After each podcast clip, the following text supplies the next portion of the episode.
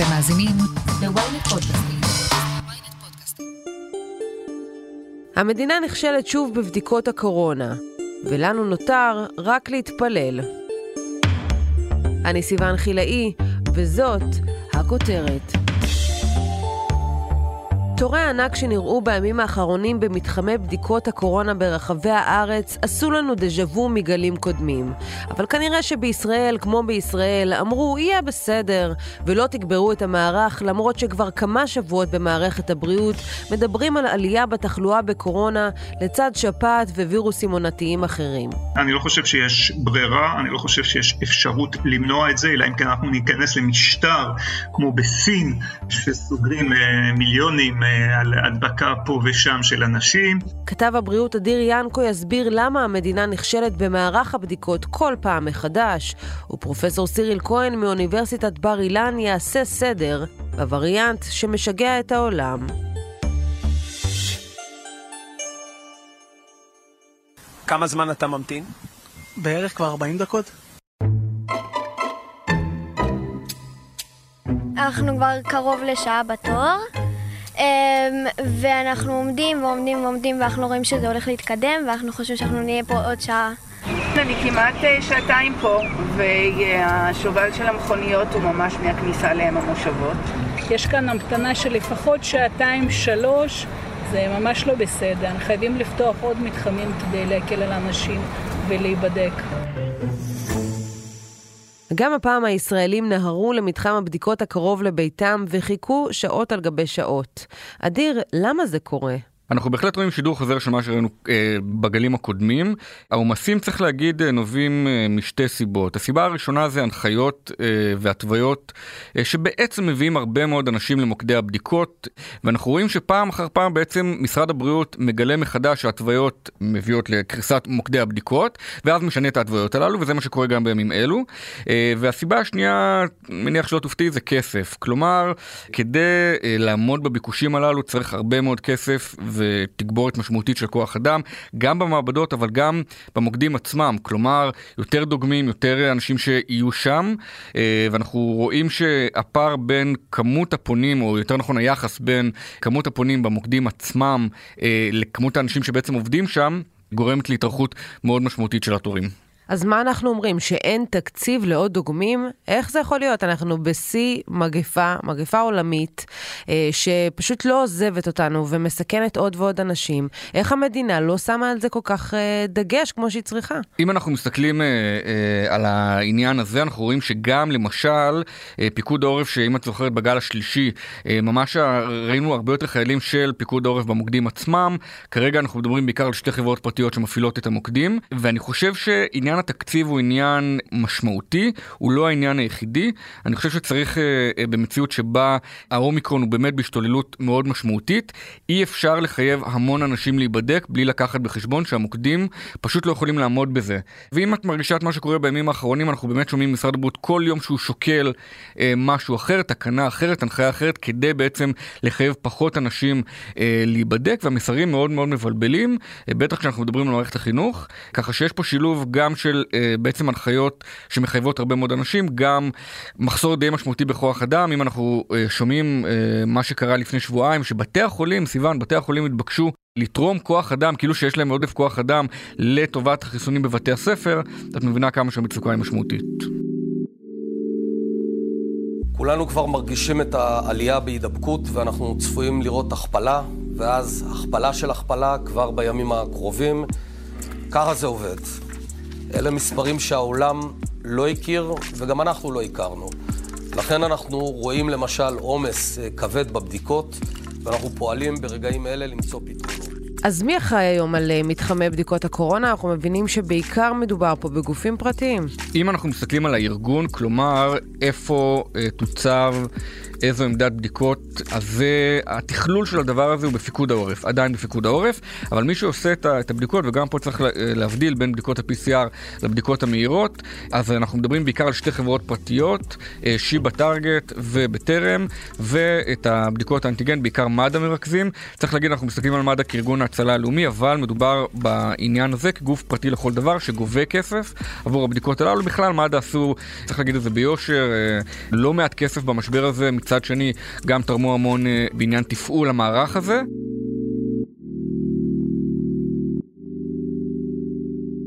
אבל יש פה את התכלול, אם אנחנו נסכם את העניין הזה, את התכלול מלמעלה של פיקוד העורף, שתי חברות פרטיות ומד"א, אה, וזה במקביל לשוק הפרטי, אם אנחנו זוכרים את כל מה שקרה בעניין אה, אה, לקראת הטיסות.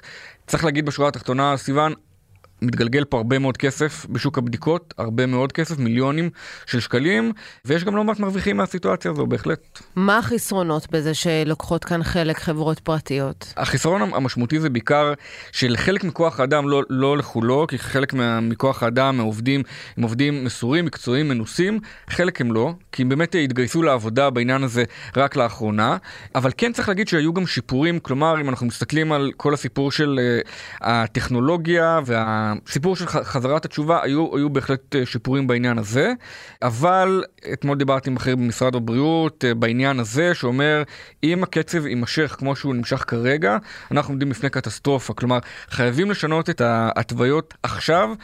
כי במציאות שבה אנחנו הולכים ל-20 אלף מאומתים ביום, אני לא רוצה לדבר בכלל על 30 או 40 אלף, זה, זה פשוט יהיה קריסה מוחלטת. מיד נמשיך עם הכותרת, אבל לפני כן, הפסקה קצרה.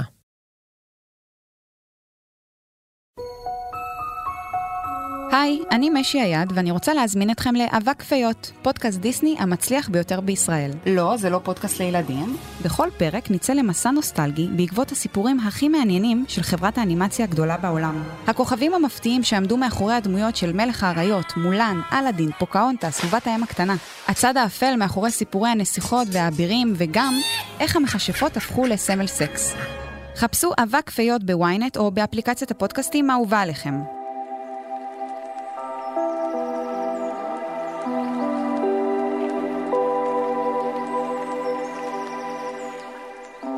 פרופסור כהן, מה אנחנו יודעים על האומיקרון שלא ידענו בתחילת הגל הנוכחי? אז זה כבר בערך חודש, חודש וחצי שאנחנו מסתכלים על האומיקרון. הדבר הראשון כמובן שהטריד אותנו הייתה העובדה שיש בו הכי הרבה מוטציות שאי פעם ראינו בווריאנטים ולא ידענו איך זה ישפיע על האופי של המחלה. אז דבר ראשון, כשאנחנו מסתכלים על וריאנטים, אנחנו דואגים משלושה דברים. האם הוא מתפשט מהר יותר, האם הוא גורם למחלה קשה יותר, והאם חיסונים יכולים להוות הגנה, או נגיד החלמה ממחלה קודמת, יכולים להוות הגנה מול ההדבקה. אז, אחד, אנחנו רואים שהוא מתפשט יותר והרבה יותר, הווריאנט הכי מדבק שיש. שתיים, מחלה קשה, דווקא המחלה לא יותר קשה, אלא דיווחים שאנחנו מקבלים לא רק מדרום אפריקה, אלא עכשיו מאירופה, מראים שהסיכון להתאשפז כתוצאה מהווריאנט הזה ירד בערך, הייתי אומר, אה, אה, שלוש, ארבע, פי ארבע פחות, כך שזה נתונים מעודדים, למרות שצריך להגיד שמה שמטריד אותנו שבגלל המספר הרב של המקרים, הדבר הזה בעצם כביכול מאזן את החומרה של המחלה, כך שזה עדיין אומר שאנחנו צפויים לצערנו לראות עומס מסוים על מערכת הבריאות. והדבר האחרון, עמידות החיסונים, עמידות ההחלמה, אנחנו רואים שאנשים גם מחלימים יכולים להידבק באומיקרון ברמה שהיא יותר גבוהה מאשר זנים אחרים, והחיסונים הייתי אומר שלא מונים הדבקה בצורה גורפת, אבל לפחות הבוסטר עד עכשיו נראה שהוא יעיל יחסית כדי למנוע גם אשפוזים שאלו חדשות טובות. ואולי לא סתם אנחנו רואים את התורים הארוכים, כי תחת האומיקרון בעצם כולם עלולים אה, להידבק וכולם נמצאים בסכנה, ואנשים ככה חוששים יותר, וגם יש את כל הווירוסים אה, עכשיו בחורף, ואולי זאת הסיבה שאנחנו רואים כל כך הרבה אנשים מגיעים להיבדק? כן, אנחנו בעצם רואים פה שילוב של מספר גורמים שגורם לכך שיש תורים, תורים ארוכים, ואני אפילו הייתי מתפתה להגיד שעוד מעט נגיע למצב שאי אפשר יהיה לבדוק את כולם, כי נגיע למין רוויון מבחינת הקיבולת של הבדיקות שאנחנו מסוגלים לעשות. כמובן, תחלואת חורף, איך אתה יודע אם פתאום יש לך קצת חום, אם זה אומיקרון או אם זה שפעת, אז אתה תלך להיבדק. שתיים, בגלל האופי, כפי שאמרת, של ההדבקה הרחבה של האומיקרון, אז הרבה אנשים נחשפים, וגם אם, הייתי אומר, באופן כללי לא נדבקת, אבל אתה תלך להיבדק, כי אמרו לך להיבדק, וגם מבחינת תנאי הבידוד, שאתה רוצה בדיקת PCR כדי להשתתף. להשתחרר, או בדיקת אנטיגן מוסדית, שהתור שם הוא לא פחות קצר, כך שהדבר הזה יוצר עומס רב על המערכת לצערנו, ובסופו של דבר גם מעכב את קבלת התוצאות ופוגע מבחינה מסוימת בתפקוד, הייתי אומר, הרגיל של החברה ושל המשק, בגלל שאנשים הם בחזקת כביכול נחשפים ועדיין לא יודעים אם כן או לא הם מדבקים.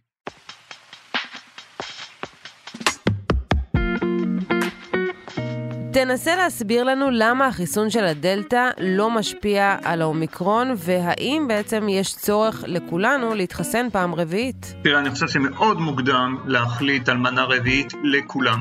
בל נשכח שהחיסון, אותו חיסון שאנחנו בעצם מדברים עליו, הוא חיסון שהוא מבוסס עוד על החלבון הראשוני, החלבון של הספייק, של הקוצן, מהווירוס המקורי שהכרנו מלפני פחות או יותר שנתיים. כך שעם כל השינויים שקרו, היינו צופים שהיעילות של החיסון תרד, ואכן היא ירדה ברמה מסוימת כאשר אנחנו מדברים על הדבקות. לכן, כשאנחנו בוחנים את הנושא הזה של החיסון ואיך בעצם לעזור למערכת החיסון מבעוד מועד להתכונן להגעה של האומיקרון, אז אפשר להגיד את הדבר הבא, החיסונים שיש לנו כיום, וזאת עובדה, הם לא מונעים הדבקה. אמנם זה נכון שבחודשים הראשונים או השבועות הראשונים אנחנו רואים הרבה פחות אנשים שחוסנו שנדבקים במחלה, כנראה שבטווח הקצר לחיסון יש באמת אפקט של הגנה מול ההדבקה, אבל בטווח הארוך אנחנו מסתכלים עכשיו אפילו אנשים שקיבלו את הבוסטר אה, כמו רבים מאיתנו בקיץ, אנחנו רואים שהם חשופים כמעט באותה מידה כמו אנשים שלדוגמה לא מחוסנים או אנשים שקיבלו שתי מנות אה, מול ההדבקה מהאומיקרון. השאלה מה התרחיש, מה ההשלכה של אותה הדבקה. עדיין החיסון מגן בצורה מצוינת מפני מחלה קשה, אז לכן מאוד מעודדים להתחסן. הנקודה היא גם שהחלמה עכשיו אנחנו רואים בגלל השינוי שחווה האומיקרון, השינוי שבו יש מעל ל-50 מוטציות, 32 מוטציות, 32 שינויים בתוך החלבון של הספייק, אז מה שאנחנו בעצם מבינים שהשינויים האלה מונעים ממערכת החיסון שלנו שהתרגלה לזנים אחרים או לזן המקורי בחיסון, להכיר בצורה יעילה באומיקרון ואז לעצור את ההתפשטות שלו. אבל גם צריך להגיד עוד משהו, בכל זאת, מערכת החיסון לא עובדת אך ורק על הנוגדנים ועולה יותר ויותר התפקיד של תאים של מערכת החיסון שאנחנו קוראים להם תאי T, שהם פחות רגישים לשינויים האלה המבניים שקורים בחלבון, אה, עולה התפקיד שלהם כמגנים בעיקר ממחלה קשה, אותם תאי זיכרון שמתעוררים, אמנם לוקח להם קצת זמן אז זה לא מונע הדבקה, אבל בחלוף הזמן התאים האלה מונעים את ההתרבות של הווירוס בגוף שלנו, ואז הדבר הזה בעצם מונע מחלה קשה. אז עדיין צריך להגיד, אמנם ההגנה היא לא אופטימלית כמו מה שהכרנו, אבל עדיין היא מצוינת כנגד מחלה קשה בזכות החיסונים, בזכות הבוסטר.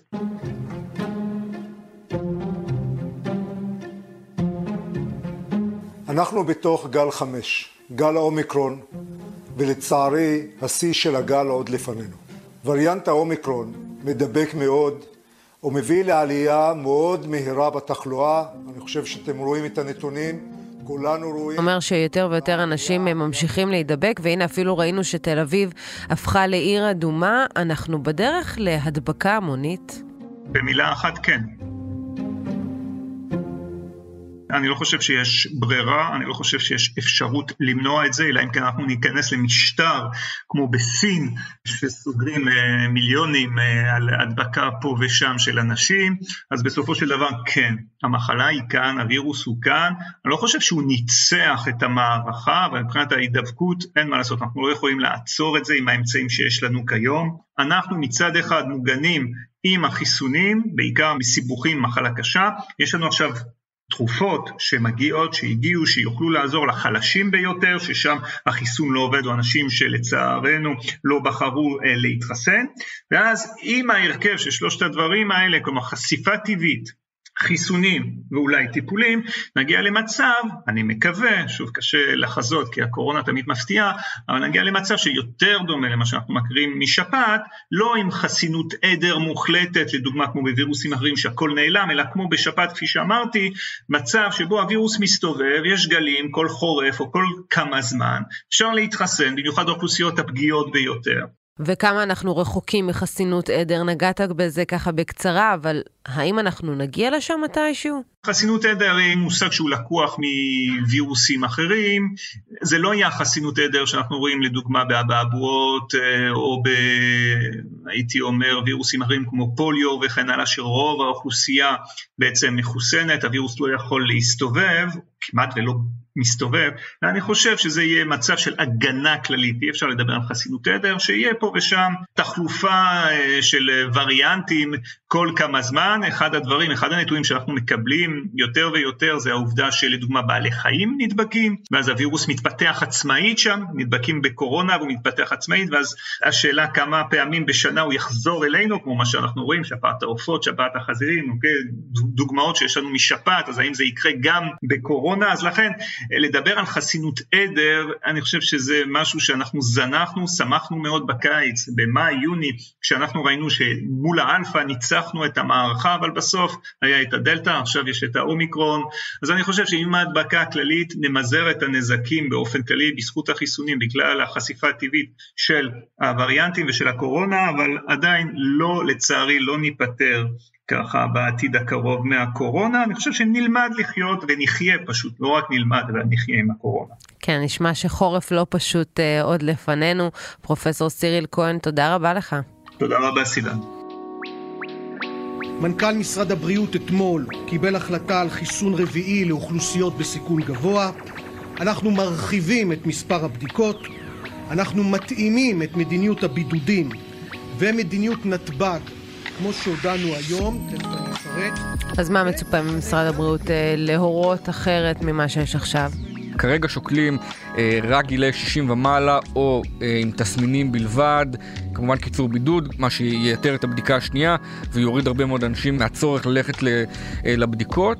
שוקלים כל מיני דברים, כך או כך החלטות צריכות להתקבל ממש באופן מיידי לדעתי, כי שוב, אם אנחנו הולכים למספרים מאוד גבוהים, המוקדים לא יוכלו לעמוד בזה. וגם אנשים פשוט וזה הדבר הכי לדעתי גרוע שיכול להיות, אנשים פשוט לא ילכו להיבדק גם כשהם כביכול צריכים להיבדק, אם הם מבינים שהמשמעות היא לחכות 4 שעות בתור. אז או שמשנים את ההתוויות או שמוסיפים המון כוח אדם, מה שלדעתי כרגע בלתי אפשרי, ובכל מקרה ההחלטה בעניין הזה צריכה להתקבל אתמול, לא, אפילו לא היום. אבל השאלה אם באמת אנחנו צריכים אנשים שעוסקים ברפואה שהם ידגמו אה, בדיקות קורונה, הרי מדובר בפעולה יחסית פשוטה. למה פשוט לא מגייסים עוד ועוד אה, דוגמים? תראי, אני, אני מעריך שהסיבות לכך היא שהשכר הוא, ממה שאני מבין, הוא די נמוך. אני לא יודע למה, למה קשה לגייס עובדים, אולי כי כרגע אנחנו בלימודים בהשכלה גבוהה, יותר קשה לגייס אה, סטודנטים לצורך העניין לעבודה הזו, ובעיקר בגלל שאולי השכר הנמוך, אבל אה, יש פה חוסר הלימה בין הצורך לבין הגיוס. אם רוצים באמת להפעיל מוקדים בפריסה רחבה ולעודד את הציבור להגיע, כלומר לקצר משמעותית את זמן ההמתנה, צריך לגייס הרבה יותר אנשים שאין אותם כרגע במערכת. אף אחד מאיתנו לא רוצה שאנשים שצריכים להיבדק, שנחשפו למאומתים, יוותרו על זה כי מבינים שזה כרוך בעוגמת נפש ובזמן המתנה בלתי סביר. וגם צריך להגיד במקביל, הקופות שחוקות מאוד, כלומר, אה, הקופות יכולות לעשות יותר ולתרום יותר למאמץ הבדיקות, אבל גם עליהן יש הרבה מאוד עבודה והרבה מאוד אה, עומס, אה, אז יש פה גם שילוב של הרבה מאוד כוחות שהם שחוקים וגם זמני המתנה לא סבירים, שאנחנו, שוב, אנחנו יודעים, התוצאה יכולה להיות אה, לא טובה בוודאות. כן, אז או לגייס אה, דוגמים בהקדם, או פשוט אה, לשנות את ההנחיה להיבדק. אדיר ינקו, כתב הבריאות שלנו, תודה רבה. תודה, סיוון. עד כאן הכותרת להפעם. אתם מוזמנים לעקוב אחרינו בוויינט או איפה שאתם שומעים את הפודקאסטים שלכם. אם זה קורה בספוטיפיי, אתם מוזמנים גם לדרג אותנו ולהאזין לפרקים נוספים כמו הפרק עם השם הקליט, בנט, תן לנו להמליץ לך על ספר טוב. וגם, אל תשכחו לשלוח את הפרק לחבר שעדיין לא שמע את הכותרת של היום. עורך הפודקאסטים הוא רון טוביה, גיא סלם סייע בעריכת הפרק, דניאל עמוס הפיקה. על הסאונד, ניסו עזרן. עטילה שומפלבי הוא גם חבר בצוות הכותרת. אני סיוון חילאי, ניפגש בפעם הבאה.